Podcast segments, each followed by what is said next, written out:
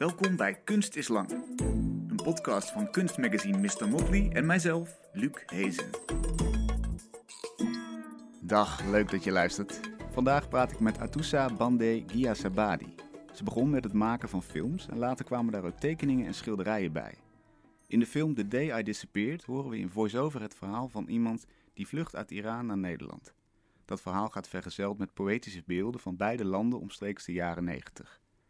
Iran blijft regelmatig terugkeren in haar werk. In de film A Thousand Square Meters over de wens om er een stuk land te kopen, of als beeldende achtergrond voor bijvoorbeeld een liefdesverklaring aan de maan. In de tekeningen en schilderijen die Atoussa maakt zitten vaak karakters verwikkeld in een verhalende scène. Een man en vrouw die op een bed liggen naast een meisje dat met een bellenblaas in de kamer speelt, met de oorlogsfilm Apocalypse Now op de televisie in de achtergrond. Of een zelfportret waar Atoussa als journaallezer vanuit een studio commentaar geeft bij protesten. Haar werk lijkt een manier om in beeld te herschikken en te verhalen over wat ze heeft meegemaakt.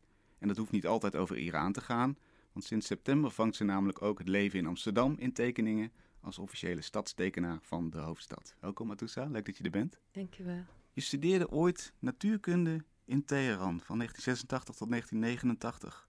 Hoe kan het dat ik hier niet tegenover een natuurkundige zit vandaag? Um, ik heb ook in Nederland natuurkunde gestudeerd. Uh, in Groningen? In Groningen. Um, ja, het, um, in het tweede jaar natuurkunde was ik, heb ik eigenlijk, kon ik het niet aan. Dat was het punt, van dat ik was net gevlucht uit Iran. Mm -hmm. En uh, had ik het idee van, oké, okay, ik, ik maakte ook altijd tekeningen, schilderijen en zo, maar als hobby zou je kunnen zeggen. En ik dacht van, ik wil uh, proberen om tussendoor even een pauze nemen en kunst te studeren. En nou, ben ik toen toegelaten uh, bij Academie Minerva. En begon ik met kunstopleiding. En dat was eigenlijk, vond ik het meer uitdaging dan natuurkunde studeren. En dus ben ik met kunst verder gegaan. Dus het was een pauze, maar het werd je leven? Ja, ja, en dus eigenlijk heb ik me een beetje ontdekt, zou je kunnen zeggen. Van, dat was de plek waar ik moest zijn. Ja. En waarom uh, vluchtte je uit Iran? Kun je de situatie beschrijven in de tijd dat je, dat je wegging? Uh, ja, uh, het was, ik ben gevlucht gedurende de Iran-Irak-oorlog. Dus het was een oorlogperiode. En ik heb toen in Iran toelating gedaan voor de universiteit. En dan ben ik ook weer Um, ben, heb ik een jaar in de Vrije Universiteit gestudeerd, natuurkunde. Mm -hmm. uh, maar de landelijke universiteit, wat eigenlijk een hoger niveau was, die werd ik niet toegelaten om ideologische redenen. Uh, wat heel vaag is en het was ook heel vaag. En uh, nou, dat was een beetje de reden waarom ik ik wilde verder studeren. Ik, kon niet. En dan, oh ja, de Vrije Universiteit ging dicht tijdens de oorlog. Er waren bombardementen, eigenlijk raketaanvallen van Irak op Teheran. En toen ben ik uh, weggegaan. Ja, toen heb je die vlucht gemaakt die uiteindelijk ruim 20 jaar na je vertrek in 2011 in Day I Disappeared uh, is terechtgekomen. Vermengd met andere verhalen. Ja. Met andere vluchtverhalen. Ja. Het is een schitterende film slash documentaire. Hoe, hoe, noem je hem zelf?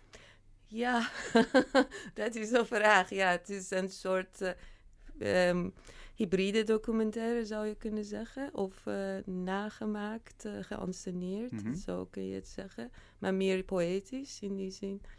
Um, ja, dat was. Ik denk dat dat daar misschien twaalf jaar voor nodig was om een soort perspectief te krijgen van met wat met mij was gebeurd. Dat, uh, vluchten is niet iets, uh, is niet een hele simpele gebeurtenis nee, in je dat leven. Nee, een understatement. Ja, ja.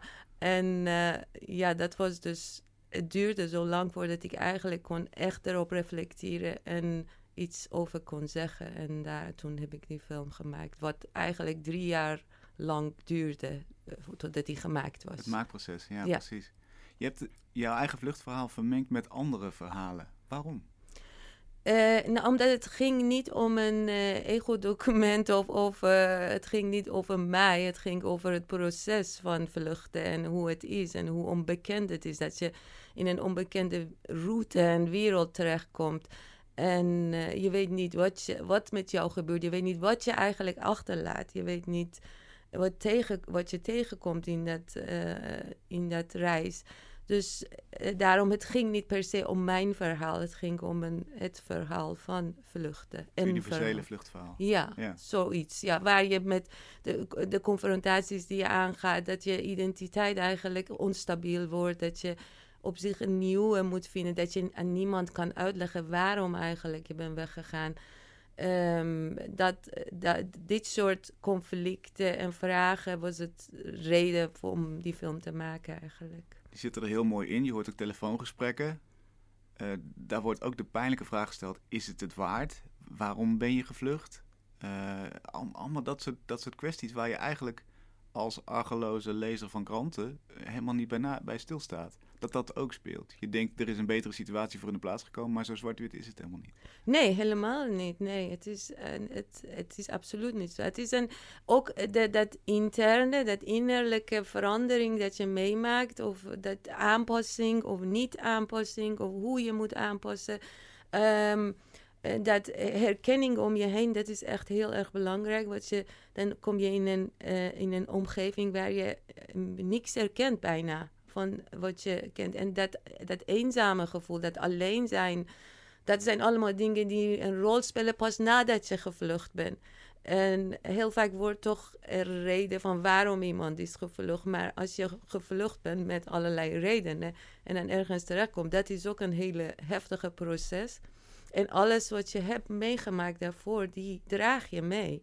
En dus al, al die vluchtelingen die we nu hebben, die dragen allemaal heftige verhalen met zich mee. Die pas nadat ze een plek hebben gekregen, moeten ze, dat, uh, moeten ze mee uh, omgaan of mee dealen, zeg maar. Ja, dan begint het pas eigenlijk. Ja, ja, omdat je dan pas rust hebt om over na te denken.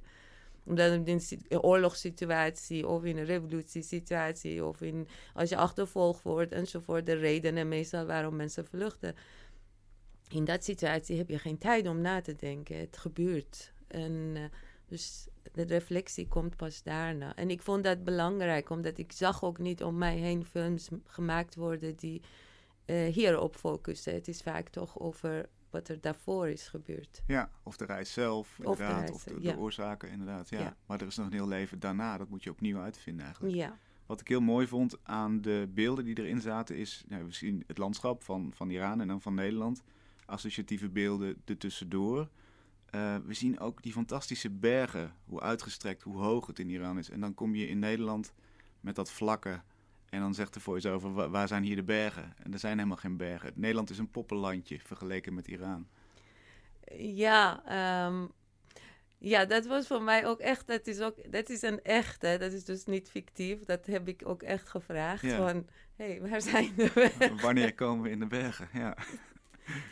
heel vreemd, echt misschien heel dom dat ik niet daarover eerder had nagedacht, o, nagedacht of niet eigenlijk bewust van was dat er ook landen in de wereld zijn waar het helemaal plat is en dat er mhm. geen bergen zijn. En ik kom uit dat gebergte land en ook echt een gebied waar veel bergen waren. Um, ja, dat was uh, een grote teleurstelling. Ja. Uh, maar ik moest wel Um, ik moet wel zeggen dat ik nu inmiddels die schoonheid van de plattelandschap ook heb gevonden. Mm. Nou, dat is in ieder geval geruststellend. Fijn om te horen. Maar toch, ik vind het heel mooi de beeldwisselingen daarin. Hè? Dus dat, dat fantastische woeste hoge landschap met bergen en, en dan het... Ja, je, je ziet een soort Madurodam voor je als, als je dan Nederland betreedt. En, en door die opvolgingen van beelden snappen wij dat ineens. Als Nederlander is dit natuurlijk je referentie, maar dat kun je volgens mij uitdrukken in een film zoals dit. Dat gevoel ja. van, hé, hey, wat is dit eigenlijk voor lullig landschapje waar ik nu beland ben. Ja, ja, ja dat, dat was een grote shock. Ja, ja. nee, maar mooi dat dat... Uh, ja, dat was voor mij ook echt een belangrijk punt in het hele verhaal. Van, dit zin moet erin. Dat, uh, dat was ook echt het eerste wat ik dacht. Van, waar, is, waar zijn ze? Ja. Wat zijn nog meer moeilijke dingen om te vatten van zo'n reis of zo'n nieuw begin? En welke kun je, hoe kun je dat in zo'n film doen? Um, ja, taal is natuurlijk één, één element ervan. Uh, ik vind het uh, vinden van je plek is het moeilijkste. En het is waar, ik nog steeds mee uh, eigenlijk kamp. Um, het is, ja, waar ben je? Wie ben je? je bedoel, je hele geschiedenis is verdwenen. Je naam betekent niks meer. je, eh, achtergrond, je uh, opleiding van je ouders, uh, sociale positie die je had of je ouders hadden enzovoort. Ik ben best jong ben gegaan, dus ik had nog niet echt mijn eigen leven daar. Um, dus um, dat, dat vind ik de moeilijkste. De positie die je hebt of de herkenning om je heen. dat je dan op een abstracte, wat um, universelere manier met mensen moet omgaan. Hmm. Omdat je niet meer de, uh, de culturele um, zeg maar verbanden hebt met elkaar. Dus je, je herkent die culturele verbanden niet. Maar je moet dan echt... Je, moet, je omgaan met mensen wordt iets abstracts, wordt iets... Uh, soort meta-level. Dat je niet meer kijkt naar de huidskleur, je niet meer kijkt naar de taal, niet meer kijkt naar waar iemand vandaan komt, maar echt gewoon of het klikt of niet. En dat duurde heel lang voordat ik hiervan bewust word. Het is niet wat ik in het begin wist. Ja. Dus dat je, je, op het moment dat je dan daarop reflecteert, ik heb hele goede Nederlandse vrienden. Uh, maar we, we, delen niet echt een geschiedenis of een, een sociale achtergrond. En je leest het van elkaar niet. Je hebt die kennis niet om. om in het begin niet, inmiddels wel. Ik heb inmiddels wel, weet ik van, dat, dat heb ik leren kennen. Maar in het begin absoluut niet. Dus dan ga je een, een andere manier van uh, interactie aan met mensen. Dat ja, veel abstracter is. Dat het niet meer per se met symbolen en um, uh, met, ja, met symbolen en kennis van en sociaal of van een maatschappij te maken heeft. Of met de geschiedenis te maken heeft. Welke rol speelt kunst in jouw leven? Wat voor functie heeft het? Um, ja. Um, ik weet niet of, dat een, het, of het een, echt een functie genoemd kan worden. Het is uh, een, een, een, een, een nodige handeling. Mm een necessary act, uh, zou je het kunnen zeggen. Het is... Uh, ja, sinds ik met kunst bezig... Ik heb het gevoel dat ik altijd met kunst ben bezig geweest. Maar sinds ik echt professioneel met kunst bezig ben... Um, vind ik eigenlijk niks meer waard om uh, mijn tijd aan te besteden.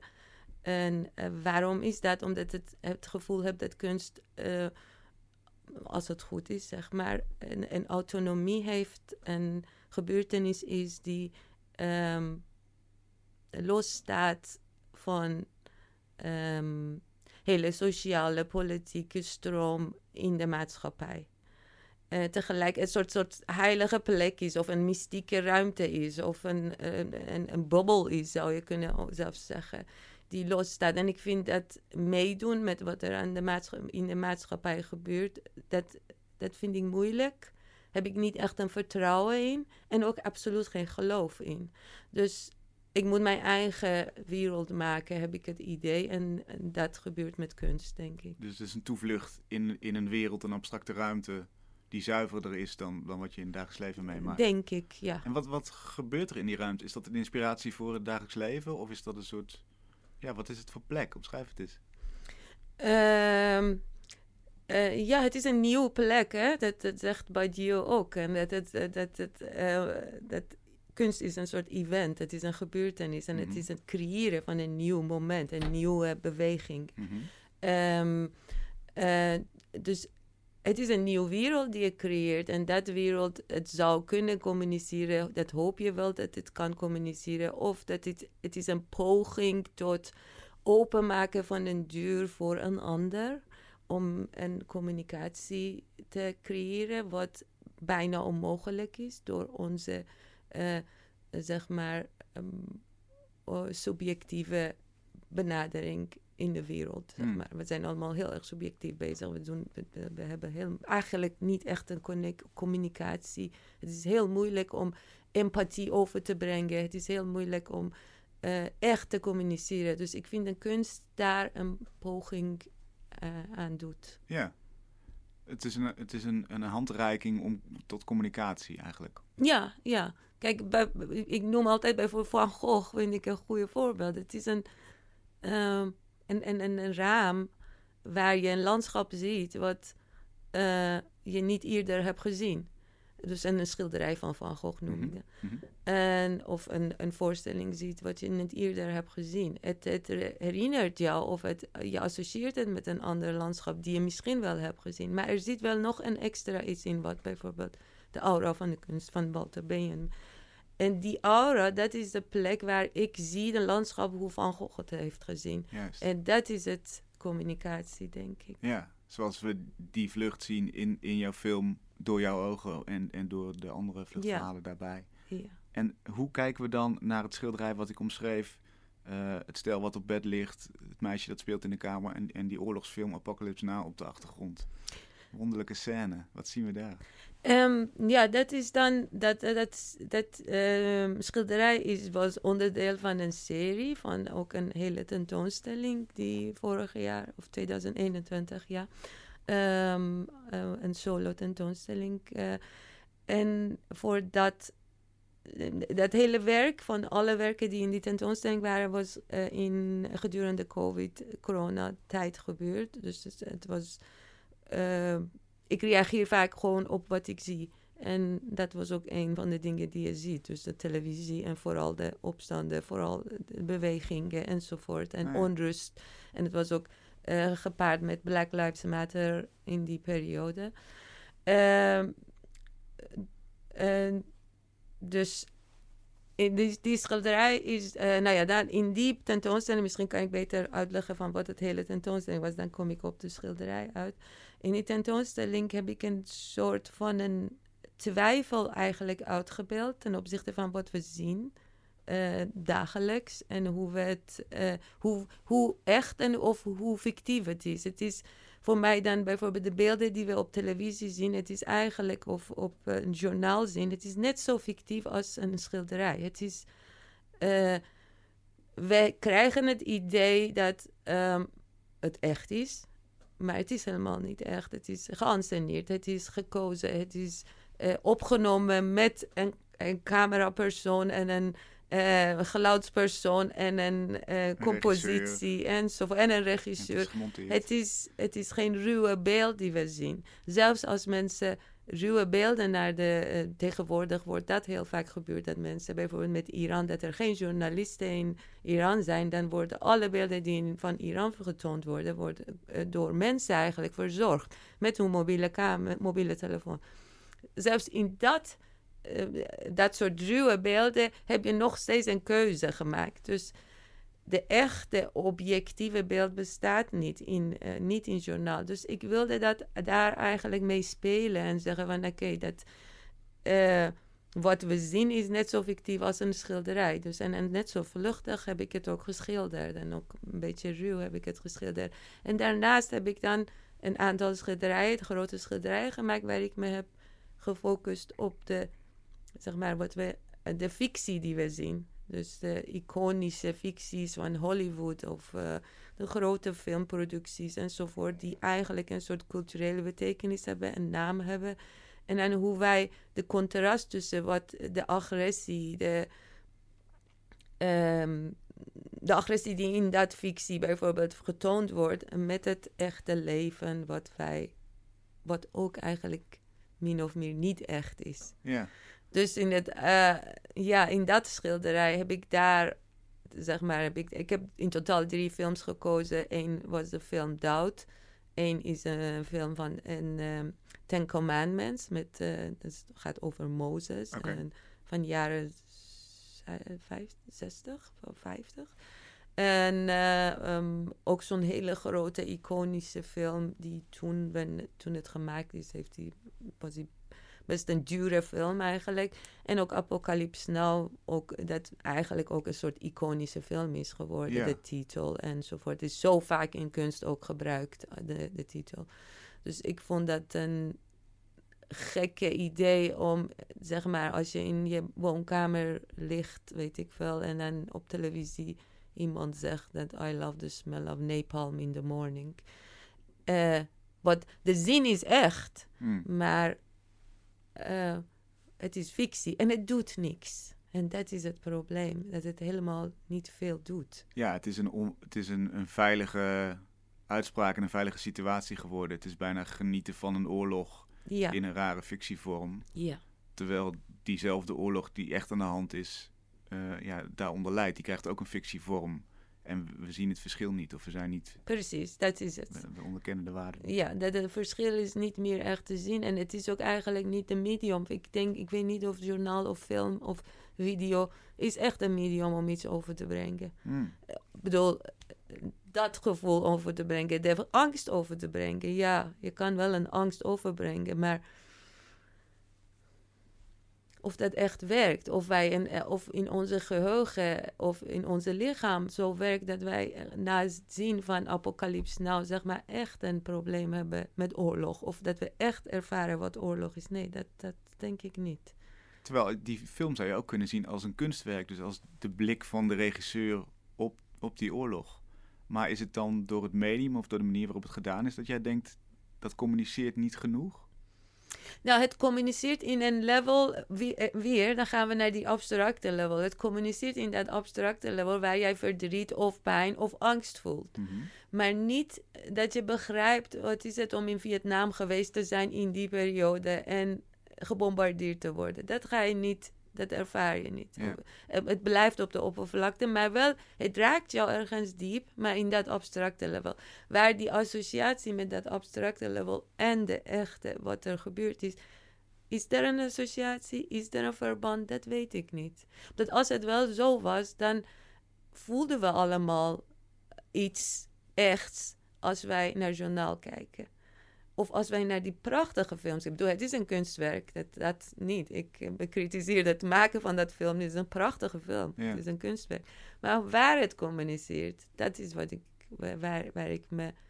Waar, waar de vraag ligt. Van wat het communiceert en waar het communiceert. Ja. ja. Je stelt die vraag nog explicieter in een andere schilderij... waar jij zelf een soort journaallezeres bent. Tegen de achtergrond van rellen. Ja. Hoe kwam je daarop, dat beeld? Nou ja, ik heb eigenlijk een aantal van die uh, presentators geschilderd. En dan op een gegeven moment kwam ik achter van het lijkt op mij. en uh, toen heb ik mezelf, het is ook een hele gekke um, eigenlijk gebeurtenis. Dat nadat ik het heb geschilderd, pas kwam ik achter, ja, dit voelt als ik. Het voelt als een zelfportret. En eh, waarom heb ik het op die manier ook in de tentoonstelling vertoond, was min of meer dat ik het gevoel had, in mijn geval, dus dat persoonlijke deel van mij. Dit dus dit tentoonstelling had verschillende niveaus. Het was een meer persoonlijke niveau en dan daaroverheen wat sociaal-maatschappelijk kritische niveau, zou je kunnen zeggen.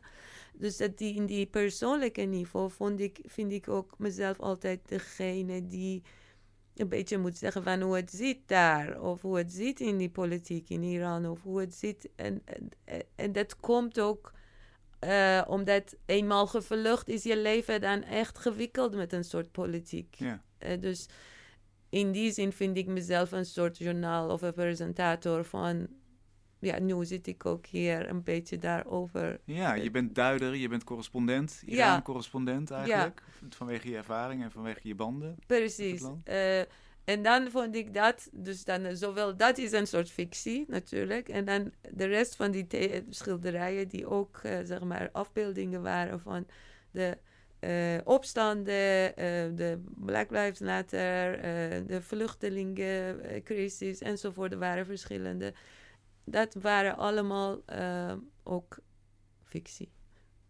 Ja.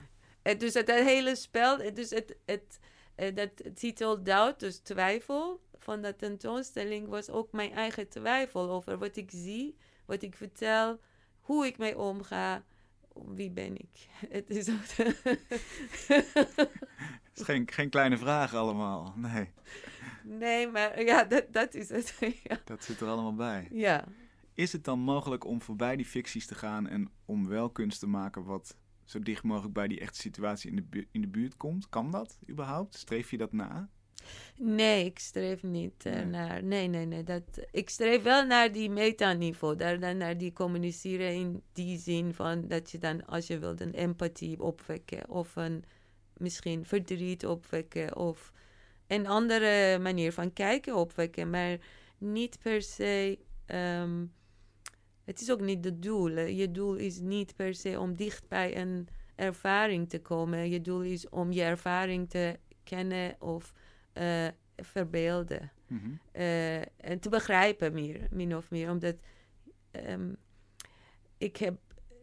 Ik denk dat wij niet, eh, niet elke ervaring op het moment dat het ervaren wordt begrijpen. Vaak is het eh, tijd nodig om daarop te reflecteren en dan, dan heel begrijpen wat er gebeurd is. En ik heb het gevoel in mijn eigen leven dat het elke keer dit aan de hand is. Van er gebeurd is, ik begrijp het niet zo goed. Dan moet ik erop reflecteren om te begrijpen wat het gebeurd is. En dat is in de vorm van een kunstwerk. Ja, dat is de kunst. Wat, Wat, wat is dan het verschil tussen voor en na het werk? Heb je daar een voorbeeld van? Krijg je daar inzicht van? Is het, heeft, heeft het rust gekregen? Wat is het effect? Eh, ja, nee, nee, dat, dat zeker. Het, het, bijvoorbeeld met het maken bij The Day I Disappeared heb ik wel een soort hoofdstuk afgerond. En eh, heb ik het opzij gelegd, omdat het hele verhaal was constant eh, aanwezig. En ik droeg het mee en het behoefte om, een, om het te vertellen was er wel, om het te communiceren en ook om het te begrijpen. Die was constant aanwezig. Maar op het moment dat ik dat film heb gemaakt, daarna had ik het echt een soort een, een chapter die ik heb gewoon afgesloten. Ja, er is een vorm voor gevonden. Het is eh Ja, gestold op een bepaalde manier. ja. Ja, je hoopt, je bent persoonlijk bezig, ik ben persoonlijk bezig, maar ik hoop ook dat het dan op een ander niveau eh, kan communiceren. Dus daarom probeer ik het niet zo letterlijk te maken altijd, maar wel een openheid in zetten, in, in, in laten in het werk, een openheid laten die wel de deur, eh, de deur open laat voor andere mensen. Ja. ja, dat is goed gelukt, denk ik inderdaad. En dat is, dat is dan de kracht van kunst. Door, door associaties, door beelden, door een deel van de waarheid, maar ook een vertelde waarheid en dus een fictieve waarheid. Mm, Dat ja. samen, dat Ja. vormt dat werk. Mm, ja. Jij was onlangs in Iran weer voor een nieuw project. Eh, ja, het is een, eh, een, een hele een kleine begin van een nieuw project. Ja, Ehm, ehm, ja, ik was daar niet per se voor het project, maar het, het was ook een, een, ehm, een onderdeel van de reis. onderdeel van een reis. Ik was voor mijn, eh, eh, voor mijn ouders bezoeken. Maar ehm, ja, het nieuwe project is eh, nog heel pril. Maar het, het, toevallig, omdat toen ik daarheen was, was waren de, um, ehm, de opstanden waren nog niet aan de hand. Dus ik ging, ik wil een tentoonstelling of een, een, een installatie of een werk maken die met moeder en een vrouw te maken heeft. En nu is dit aan de hand in Iran, wat ook eigenlijk heel erg vrouwgericht is, een feministische beweging is. Ja, natuurlijk. Er zijn heel veel protesten naar aanleiding van de dood van eh Masa Amini. 22-jarige vrouw die haar hijab niet op de correcte manier zou hebben gedragen. Ja. Eh, zij is eh, overleden, vermoord kunnen we beter zeggen misschien. Dat zijn mijn woorden in ieder geval. Welke relatie heb jij met die gebeurtenis? En als je dan daarin, in wat eigenlijk misschien nog wel je eigen land is, zo voelt het denk ik, bent. Wat, wat, wat gebeurt er dan en hoe ver is kunst dan weg? Of is dat dichtbij? Hangt het samen? Ja. Ja, het is iets, eh, ik denk dat, eh, ehm, even terug ook, we gaan ook, eh, als we hierover hebben, dan gaan we terug naar de eerste vragen van, van eh, ehm, je positie ehm, als een immigrant of ex-vluchteling of wat dan ook in een, ander, in, in een nieuwe land. Ehm, is dan de vinden van je context en je geschiedenis. En dan wat ik merkte met deze beweging, wat nu aan de hand is in Iran, is dat ineens ehm, voor mij heel veel emoties zijn wakker geworden. Heel veel echt inspiraties, emoties. Eh, wat ik merkte dat ik het allemaal had onderdrukt. Of ja, ik weet niet, in een kastje had gelegd of zo. Ik, ik had, en ineens werd het wakker eh, in de zin dat ik, waarom ben ik dan eigenlijk gevlucht?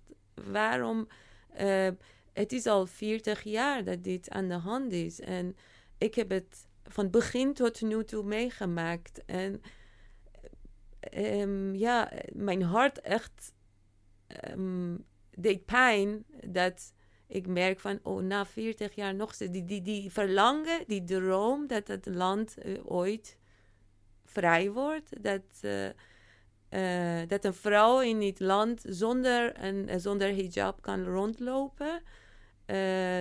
Dat, dat leek echt een soort droom die nooit zal uitkomen. En nu is er een beweging die dat stimuleert, of dat ik hoop dat het wel um, een verandering in komt.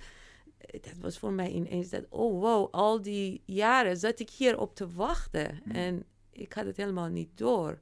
Dat ik echt, dit is echt iets waar mijn hart voor klopt, waar ik echt ook bereid ben om uitspraken over te doen of voor te vechten zelfs.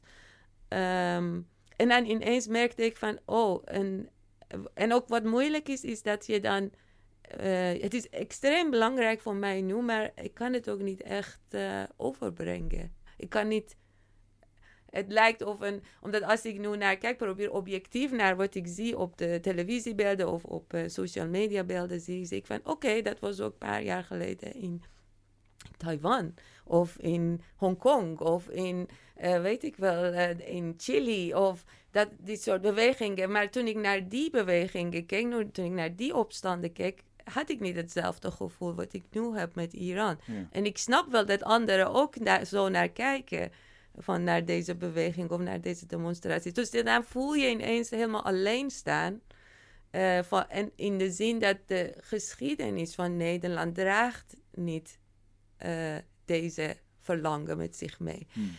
De maar geschiedenis van Iran wel. En dat deel van mij die wel in Iran is opgegroeid en hiermee te maken heeft gehad, die, die verlangt zo erg naar deze beweging. En dat, dat is een grote verschil waar ik nu ineens van, oké, okay, dit is niet mijn context, is toch wel echt iets wat heel erg verbonden is met Iran. En dat wordt, afgelopen jaren heb ik het eigenlijk op een um, laag pitje gezet. En dan heb ik, ben ik helemaal niet met die identiteit bezig geweest. Maar nu ineens komt het weer naar buiten. En ik van, wow, dit ben ik. En het is nu heel duidelijk dat ik uit Iran kom. Ja, dat voel je in elke vezel Ja. van je lijf. Dit is een strijd die, die voor mij belangrijk is en, en Ja. eh, waarde heeft. Ja, Je, je kwam straks binnen en je zei: Het eerste wat ik doe is nieuws checken. Ik ben helemaal, ja, natuurlijk eh, aan het scherm gekluisterd. ja. Ja, ja, het is, ik bedoel, het is elke moment wel afwachten van wat er gebeurt, of het onderdrukt wordt of niet. Ik hoop van niet. Ik hoop dat de regering een weg vindt om met eh, de demonstranten te praten. Dat ze eh, dat onderdrukking. ehm, ja, het is niet ten goede van het land. Het is ook niet ten goede van de regering zelf. Dus eh, ik hoop dat er een verandering in komt. En ik vind het zo bijzonder. Het is echt een hele bijzondere beweging. Dat, dat het met vrouwen is begonnen. En dan ook dat, dat vrouwen 40 jaar lang hebben dit geaccepteerd. En altijd angst. En ik bedoel, elke keer dat ik naar Iran reis, heb ik met die angst te maken. Mhm. En zij leven constant met die angst. Van, heb ik mijn hoofddoek goed? Heb ik de juiste kleren aan? Praat ik juist? Lach ik niet te veel? Eh, ik weet niet wat. Het Ja. is echt van de meest basis eh, behoeftes van een vrouw wordt onderdrukt. En ja, ik hoop dat dit echt een goede einde Ja. zal krijgen. Hoe, wat gebeurt er in jouw hoofd op dit moment in deze weken? Is, is het dan zo dat kunst daarmee verweven is? Of zeg je even, die kunst staat even in de ijskast en ik, ik ben nu met, met bezig met wat er gebeurt, met de politiek, met het journaal, met internet? Nee, dat, ik, ik, toevallig was en, Godard is volgens mij twee weken geleden overleden. Filmmaker? Godard? Filmmaker, Mhm. ja, Jean-Luc Godard. Ehm, en ik ben er een fan van geweest. Eh, maar ik zag een, een korte interview kwam in de social media voorbij die ik niet had gezien. En hij zei ergens dat hij geen films maakt zolang Palestijnen eh, geen eigen land hebben en allerlei andere eh, onderdrukking is en armoede is in de wereld enzovoort. Maar daar ben ik eigenlijk niet mee eens. Voor het eerst ben ik met hem helemaal niet eens. Ik vind dat dat. Eh, we, ik maak niet kunst. Ik maak een kunst niet om een eh, politieke pamflet te maken. Mhm. Eh, dus het heeft ook helemaal niks mee te maken of er opstanden zijn. Natuurlijk, als ik helemaal midden in de oorlog ben. Ja, ik, eigenlijk ben ik ook geweest midden in de oorlog. Op je mijn, daar, ja. ja. ja. op mijn 17e, 16e. Ik maakte gewoon tekeningen, schilderijen en het was fijn. En ehm, dus ik zie dat, ik zie niet, ja, natuurlijk, je kan kunst gebruiken om een boodschap over te brengen, maar bij mij is het altijd toch, blijft het in het uh, abstractere, de boodschap blijft in het abstractere niveau. En het maken van kunst is natuurlijk een manier om, het is mijn werk, zo zie ik. Mm het is wat ik doe. Yeah. En het is ook leven. Ja, ik zie beelden op televisie, dan ga ik daarop reageren. Ik zie gebeurtenissen, ga ik daarop reageren. Maar wel op mijn manier, denk ik. Ja. En inderdaad, je zou ook kunnen denken: dit is zo'n specifieke situatie, hier, hier wil ik iets aan bijdragen. Speelt kunst daar dan nog een rol in? Dus zoals je eigenlijk jezelf neerzet als journaallezeres, ja, de, uh, zie je andere mogelijkheden om? Of, ja, um, ik, ja, er zijn andere mogelijkheden, maar je kan als misschien, je kan kunst nooit dwingen. Je kan nooit dwingen om iets te maken. Hmm. En um, het moet vanzelf komen voor mij, tenminste. Um, en ik werk ook niet op die manier van dat ik een onderwerp heb en dan ga ik onderzoeken en dat onderwerp maken. Het moet echt een soort verlangen en een, een um, must, zeg maar, een behoefte en uh, dat je niet overheen kan gaan. Die moet er zijn. Dat is de motivatie. Zonder dat dan kan ik het, kan ik niks doen. Yeah. Uh, dus uh, ik heb echt heel veel verlangen en heel veel behoefte en motivatie om iets hiermee te doen. En er kwamen ook ineens allerlei ideeën in mijn hoofd toen dit gebeurde of toen ik terug was van Iran een week geleden.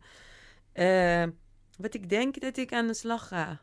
Ik denk dat ik wat nieuwe tekeningen en schilderijen wil maken. En zelfs heb ik ideeën voor films.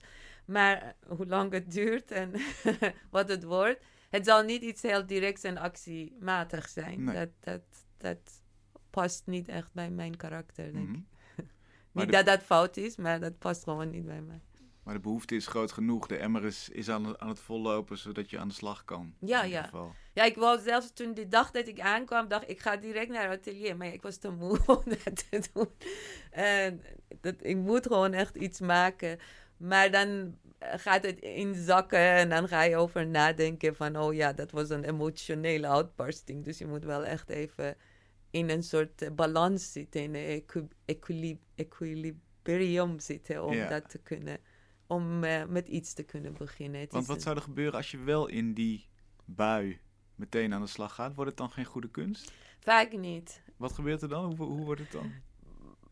Ja, dan ben je te emotioneel om, uh, om de nodige afstand te hebben, heb ik het idee. So, misschien, oh, ja, het is mij nooit gelukt. En wordt het dan een pamflet? Wordt het dan te, te activistisch of hoe zie je dat? Wat ontstaat er dan?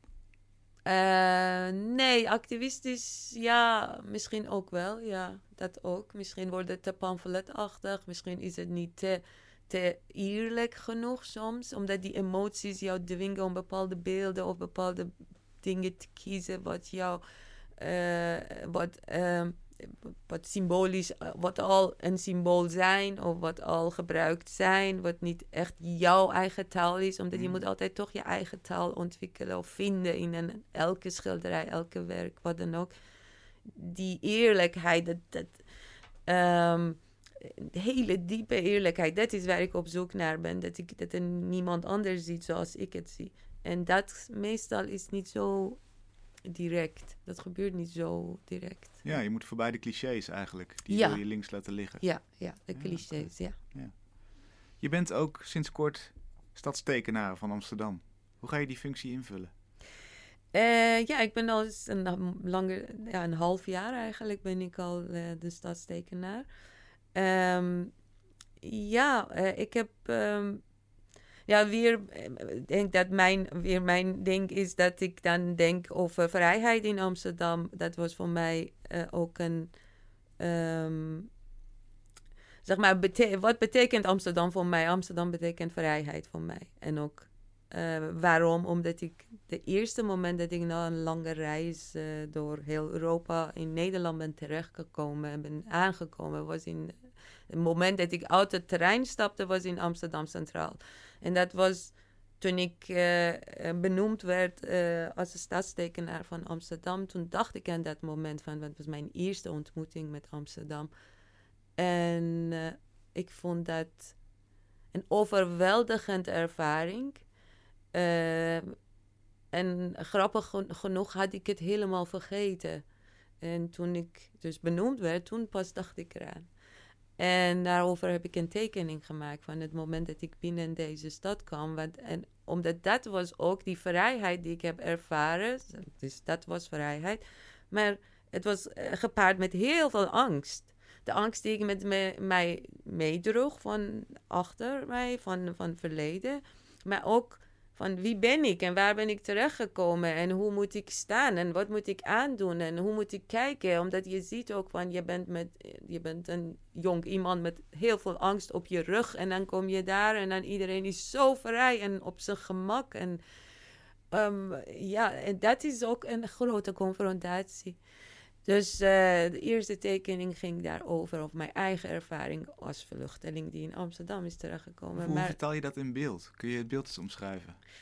Uh, ja, ik heb mezelf eigenlijk getekend. Ik had een foto van die periode, dus heb ik mezelf een beetje getekend met de Centraal Station erbij. En dan wat, er, wat toen de, beeld dat ik van, daar, uh, van dat moment had, was dat een drummer op de, op de voorplein van het Centraal Station stond te drummen. En dat maakte, het, uh, maakte alles eigenlijk.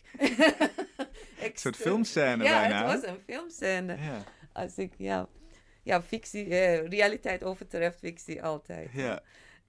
Um, um, en dat, was, dat is dus het beeld. Dus ik heb een drummer getekend en mezelf in het uh, opening van de, van de ingang van Centraal Station met allerlei symbolen die daar omheen spelen.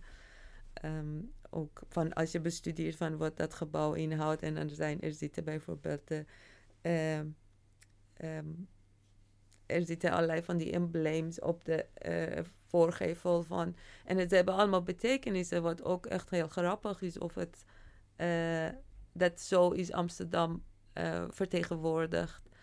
En dan heb, ja, en verder dan ben ik gaan nadenken over die vrijheid in Amsterdam. En dan kwam ik achter eigenlijk die vrijheid voel je als het niet is. Of begrijp je wat het is als het niet is. Dan pas. Dan pas begrijp je het eigenlijk.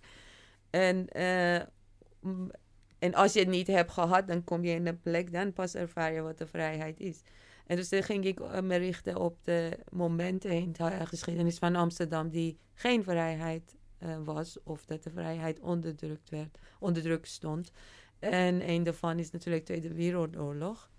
En dan in mijn onderzoek kwam ik. Uh, ja, de onderduikers in de tweede, tijdens de Tweede Wereldoorlog. En dan uh, kwam ik uh, Eugene Brand tegen, een schilder. Ik wilde me richten op kunstenaars of schrijvers van het begin.